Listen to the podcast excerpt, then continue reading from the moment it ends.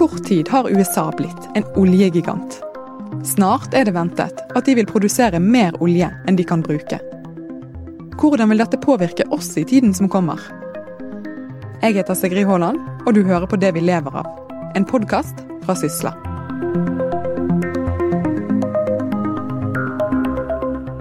De er veldig fokusert på effektivitetsøkning i borefasen for å bore så fort som mulig, øke produksjonen og få brønnene til å produsere så mye som mulig og så lenge som mulig. Håkon Skjelvik er sjef i boreselskapet Tomax. De har et av kontorene sine i Texas, i selve hjertet av det gigantiske oljefeltet Permian Basin. Padder eller sånn rigger og nikkepumper og små seiter og sånt som ligger nesten som en åker tett i tett fra horisont til horisont. Da oljenedturen startet i 2014, gikk det dårlig for selskapet flere steder i verden. Men på land i USA tok det av. Da lå vi på rundt fem jobber i måneden, og gjennom 2016 og opp til 2017 så steg det til 50 jobber i måneden. Så det var eventyrlig vekst i landmarkedet der. I USA går oljepumpene for fullt. Oljeboomen der har så langt rammet Norge knallhardt. Innen et år kan USA bli verdens største oljeprodusent. Hva vil det bety for oss? For å få svar på dette, så har jeg med meg Linda Nøstbakken, prorektor og professor i ressursøkonomi ved Norges handelshøyskole. Og på linje fra Oslo er analytiker i Nordea Markets, Tina Saltvedt. Velkommen til begge to. Tusen takk.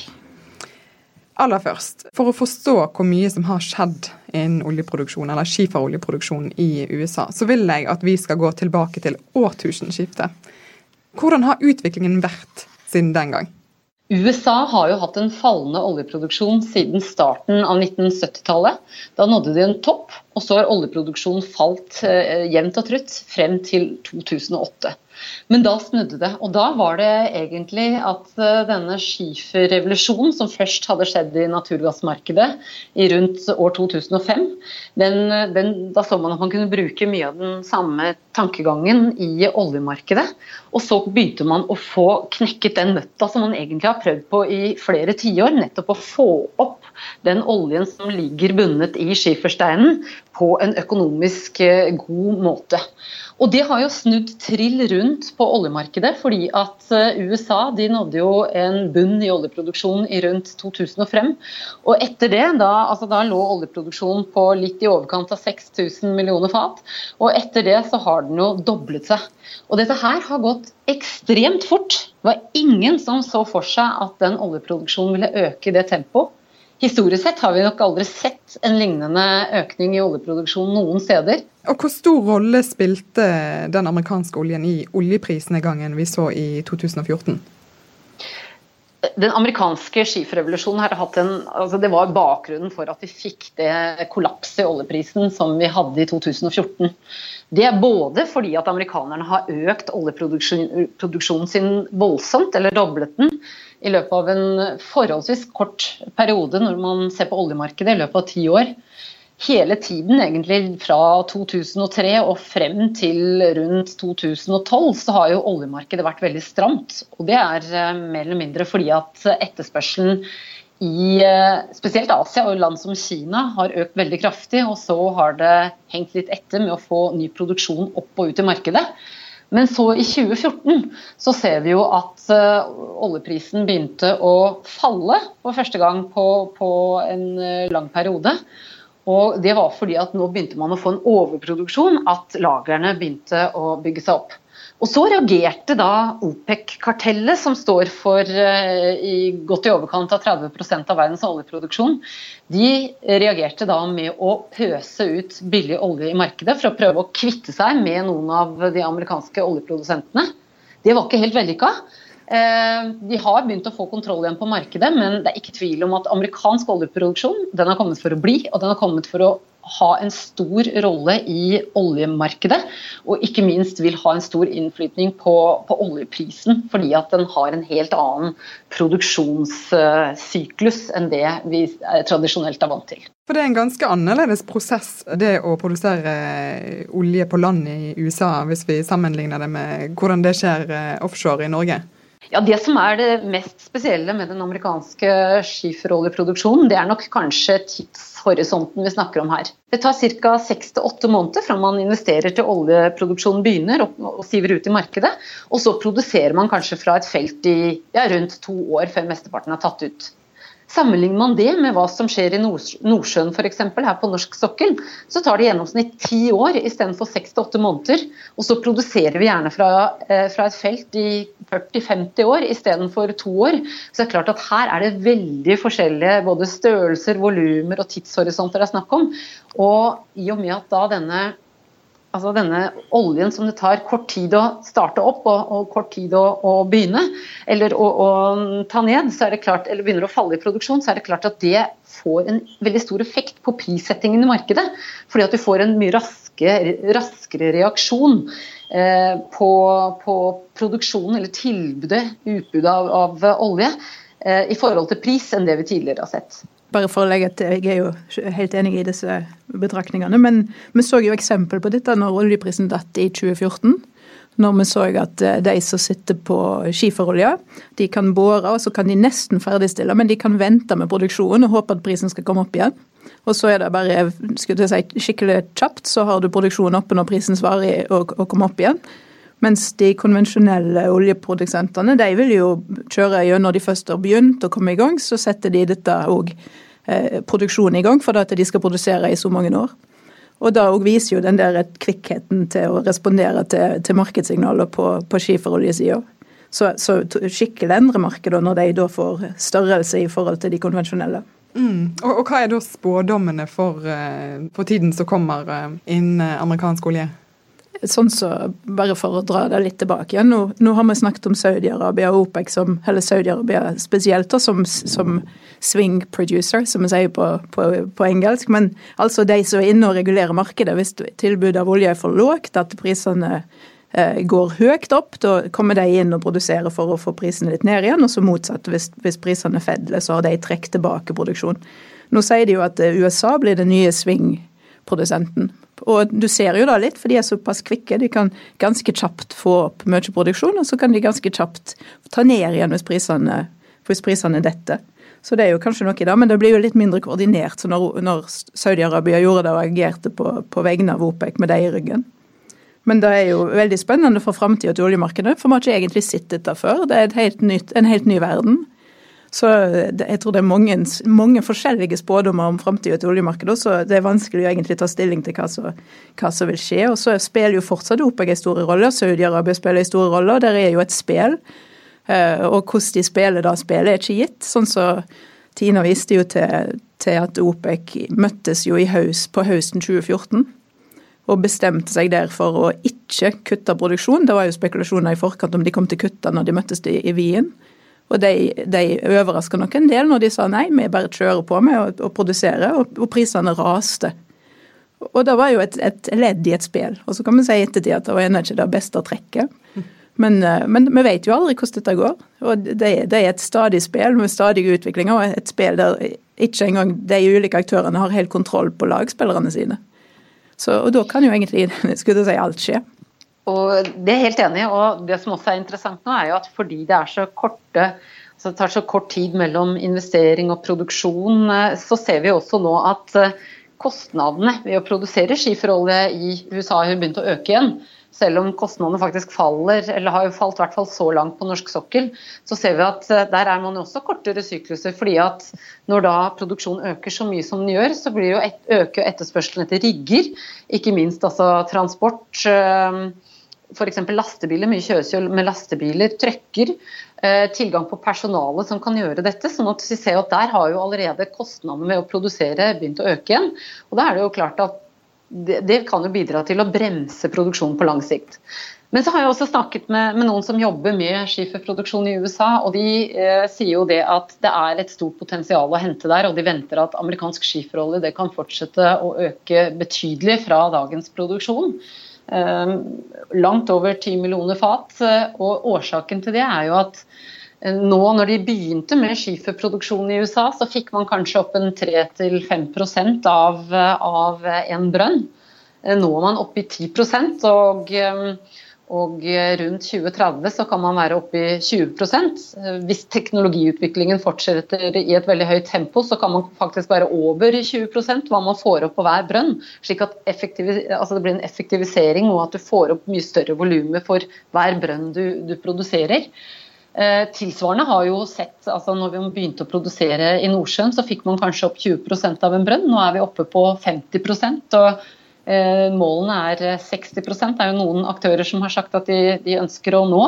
Slik at det er også et stort potensial fremdeles å, å hente mer på, på teknologi og, og, effektivisering av produksjonen der. Mm. En annen ting som er viktig der, er jo andre innsatsfaktorer som, som vann og og spesielt kanskje vann i USA, for noen av disse områdene er jo nokså torre. Da vi sitter sammen i Canada, i oljesandregionen der, så er jo vann den knappe faktoren. Det, du får alltid tak i arbeidskraft, og på litt sikt, når, når, folk får justert på hvor de bor og hvor de jobber og sånn, så kommer de hvis lønna er, er bra. Men, mens tilgangen på vann er jo helt kritisk, for er, den er begrensa og gitt av det som du har i vannsystemet der, og da du får ikke opp den olja der hvis ikke du har nok vann til å kjøre i, i, i, dette systemet. Men så har det jo vært en voldsom innovasjon på, på å bli bedre på å spare på vann og resirkulere vann, for de vet da er den knappe faktor. Men det er jo, det er jo akkurat det samme i, i skiferproduksjon. At du trenger disse ekstra ressursene skulle si, som vi ofte glemmer, men så er viktige i mm. produksjon. Men, men hvordan er det? Er det sånn at den amerikanske skiferoljen, er det en direkte konkurrent til den norske oljen? Altså Det er jo det, i den grad at skiferoljen i USA det er jo en eh, lettolje. Og eh, det som, altså Man kunne jo si nå at USA produserer så mye at de snart kan bli selvforsynte med olje. Men så enkelt er det ikke, fordi at eh, man kan jo ikke bruke altså Stort sett så bruker man jo ikke råolje, man bruker oljeprodukter. Og det som har vært eh, i USA, det er jo at eh, amerikanerne investerte mye i å oppgradere raffineriene sine til å kunne ta imot mer eh, tungolje fra Venezuela i den perioden hvor oljeproduksjonen sank, altså før denne skiferrevolusjonen. Så får vi denne skiferrevolusjonen, og så ser vi at her får man en masse lettolje inn i markedet. Og den er det ikke like enkelt for amerikanske raffinerier å å raffinere. Slik at eh, det ble en voldsom opphopning av eh, amerikansk olje. Før 2016 eh, så kunne jo ikke amerikanerne eksportere olje. Det ble lagt ned et forbud etter oljekrisen i 1973 for at amerikanerne kunne eksportere råolje. Og den ble ikke fjernet før siste året Obama satt. Og etter det så ser vi jo at mye amerikansk lettolje kommer ut i markedet. Eh, amerikansk eksport har faktisk hatt en skikkelig boom de, de, siste par årene. Og dette er jo lettolje som da konkurrerer med norsk lettolje. Så det er klart at dette her er en utfordring for, eh, for norsk olje. Eh, fordi de konkurrerer litt om, om de samme, samme etterspørrerne, altså de samme type raffinerier som kan ta imot den type olje. Hvordan er det borte i USA? Er det sånn at denne oljen fortrenger andre energiformer, altså kull eller fornybar energi? Det er vel eh, stort sett Det vil jo alltid være litt substitusjon der òg, men det er vel helst gass òg som kommer fra schæfer. Så er den store konkurrensen til kull og fornybar energi, siden den blir brukt i større grad i elektrisitetsproduksjon. Og Det vi har sett også med denne skifergassen som, som, du var inne på, det er jo at ja, den har bidratt til å forskyve eller trenge ut mye kull fra markedet. Men det har allikevel ikke gått på bekostning av eh, fornybar energi. Fordi at kostnadene med å produsere sol- og vindenergi har falt så kraftig at det nå begynner å bli i mange stater eh, konkurransedyktig uten subsidier. Og Det er jo litt av hensikten, selvfølgelig, at, eh, at på lang sikt så skal det være så skal det jo være lønnsomt uten subsidier. Subsidiene blir brukt for å øke, altså øke tempoet på å få den inn i markedet. Så det er jo egentlig kull som har blitt fortrengt fra det amerikanske markedet. Først og fremst pga. Eh, skifergass, men også pga. fornybar energi. Og Interessant nok så har jo en del av det kålet funnet veien til helt andre land og regioner. Sånn som så Tyskland, så de er jo veldig opptatt av miljø og, og kutte klimautslipp. Så har pga. at da hadde man fått tilgang til mye billig kål, så de legger det jo ikke bare i bakken i USA, for da om de begynner å bruke gass, da går det til andre marked, og bl.a. funnet veien til Europa. Så det er jo ikke gitt at klimautslippene går ned globalt fordi amerikanerne skifter fra kål til gass. En annen effekt er jo dette med teknologi. Eh, hvis man bruker mye gass i stedet for å bruke andre fornybare kilder, så kan man jo tenke seg at det blir mindre innovasjon i fornybar. Det er jo, det er jo mye innovasjon på fornybarsida òg i USA, så ikke, vi kan ikke så godt si at det da ikke skjer. Men det kan jo være at det hadde skjedd i større grad hvis ikke de hadde hatt den store tilgangen til gass. Absolutt, og det som er veldig bra da, er jo at endelig, kan vi si, så har eh, karbonprisene i Europa begynt å øke. Sånn at eh, karbonmarkedet vil få en større effekt enn det det har hatt tidligere. For det har jo ikke fungert som, som, det var hensiktsmessig. Men nå ser vi jo at karbonprisene øker, og europeiske myndigheter har en plan om å få de prisene enda lenger opp. Og det kan jo bidra til at man faktisk da får ned kullforbruket likevel, selv om, selv om det har kommet en god del nå de senere årene billig kull inn til Europa. Så bare en annen ting, så Du nevnte jo dette med at vi ser produksjon av fornybare i markedet, men der òg vil jo gass være viktig. For det som kjennetegner mye fornybar produksjon, er jo at det svinger veldig i forhold til sånn som solenergi svinger det med når sola skinner og vinden og vinden blåser. Og da må du ha et eller annet å balansere markedet med, for at du skal jo Altså elektrisitetsgriddet skal være i balanse til hver tid. Den strømmen du bruker til hver tid må bli produsert akkurat når du, akkurat når du konsumerer den, helst så går det i svart. Noe vi ikke tenker på til daglig, for de er flinke å balansere strømmarkedet våre. Men der det, det, det, gjør det veldig vanskelig å gå over til 100 fornybar, hvis ikke du har storskala elektrisitetslagring. Så der òg skjer mye innovasjon på òg i USA. Men her òg kan jo gassen spille en viktig rolle. Å være den bufferen og bruke fornybar når du kan bruke fornybar i så stor skala som mulig, og så kjøre på med gass for å, for å ta toppene som står igjen. En sånn eh, skiferrevolusjon som du eh, nevnte innledningsvis, eh, Tina. Kan det skje andre steder i verden? Absolutt, eh, det kan det. Vi vet jo at verdens største skiferformasjoner finnes jo ikke i USA. De finnes jo i Kina og, store, og i Russland. Der det jo, er det jo andre utfordringer.